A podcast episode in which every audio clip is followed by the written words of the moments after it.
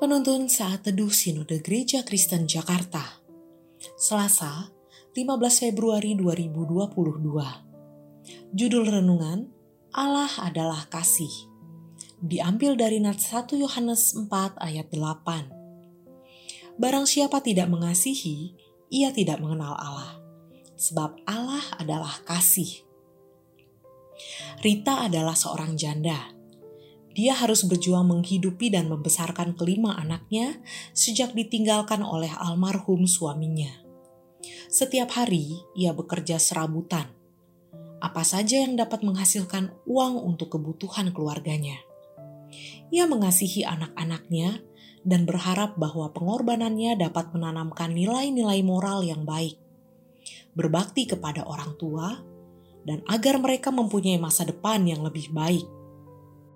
Dalam nas renungan hari ini, Yohanes memberikan peringatan tegas bahwa iman harus dipraktikkan secara sungguh-sungguh dalam tindakan kasih atau agape.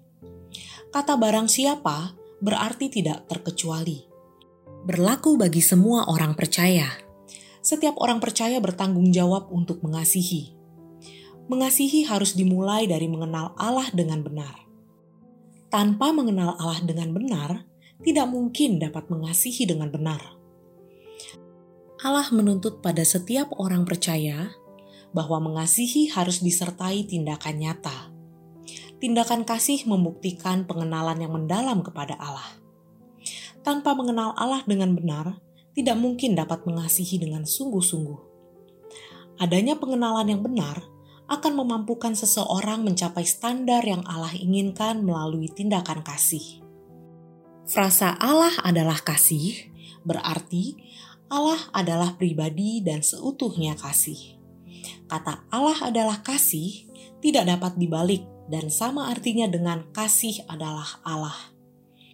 Allah adalah kasih menegaskan bahwa kasih tidak dapat dipisahkan dari hakikat dirinya. Keberadaan kasih ini tidak dimulai pada waktu melakukan suatu tindakan, melainkan sudah ada dalam kekekalan dan tak terpisahkan dalam diri Allah. Kisah Rita di awal renungan menunjukkan kasih seorang manusia yang dalam keterbatasan dapat berkorban bagi anak-anaknya. Kasih Allah jauh lebih besar. Dia memberikan kasih dan memperkenalkan kasihnya dalam Kristus Yesus. Kasih Allah mengorbankan anaknya yang tunggal sebagai korban penebusan supaya manusia berdosa tidak binasa dan memperoleh hidup kekal.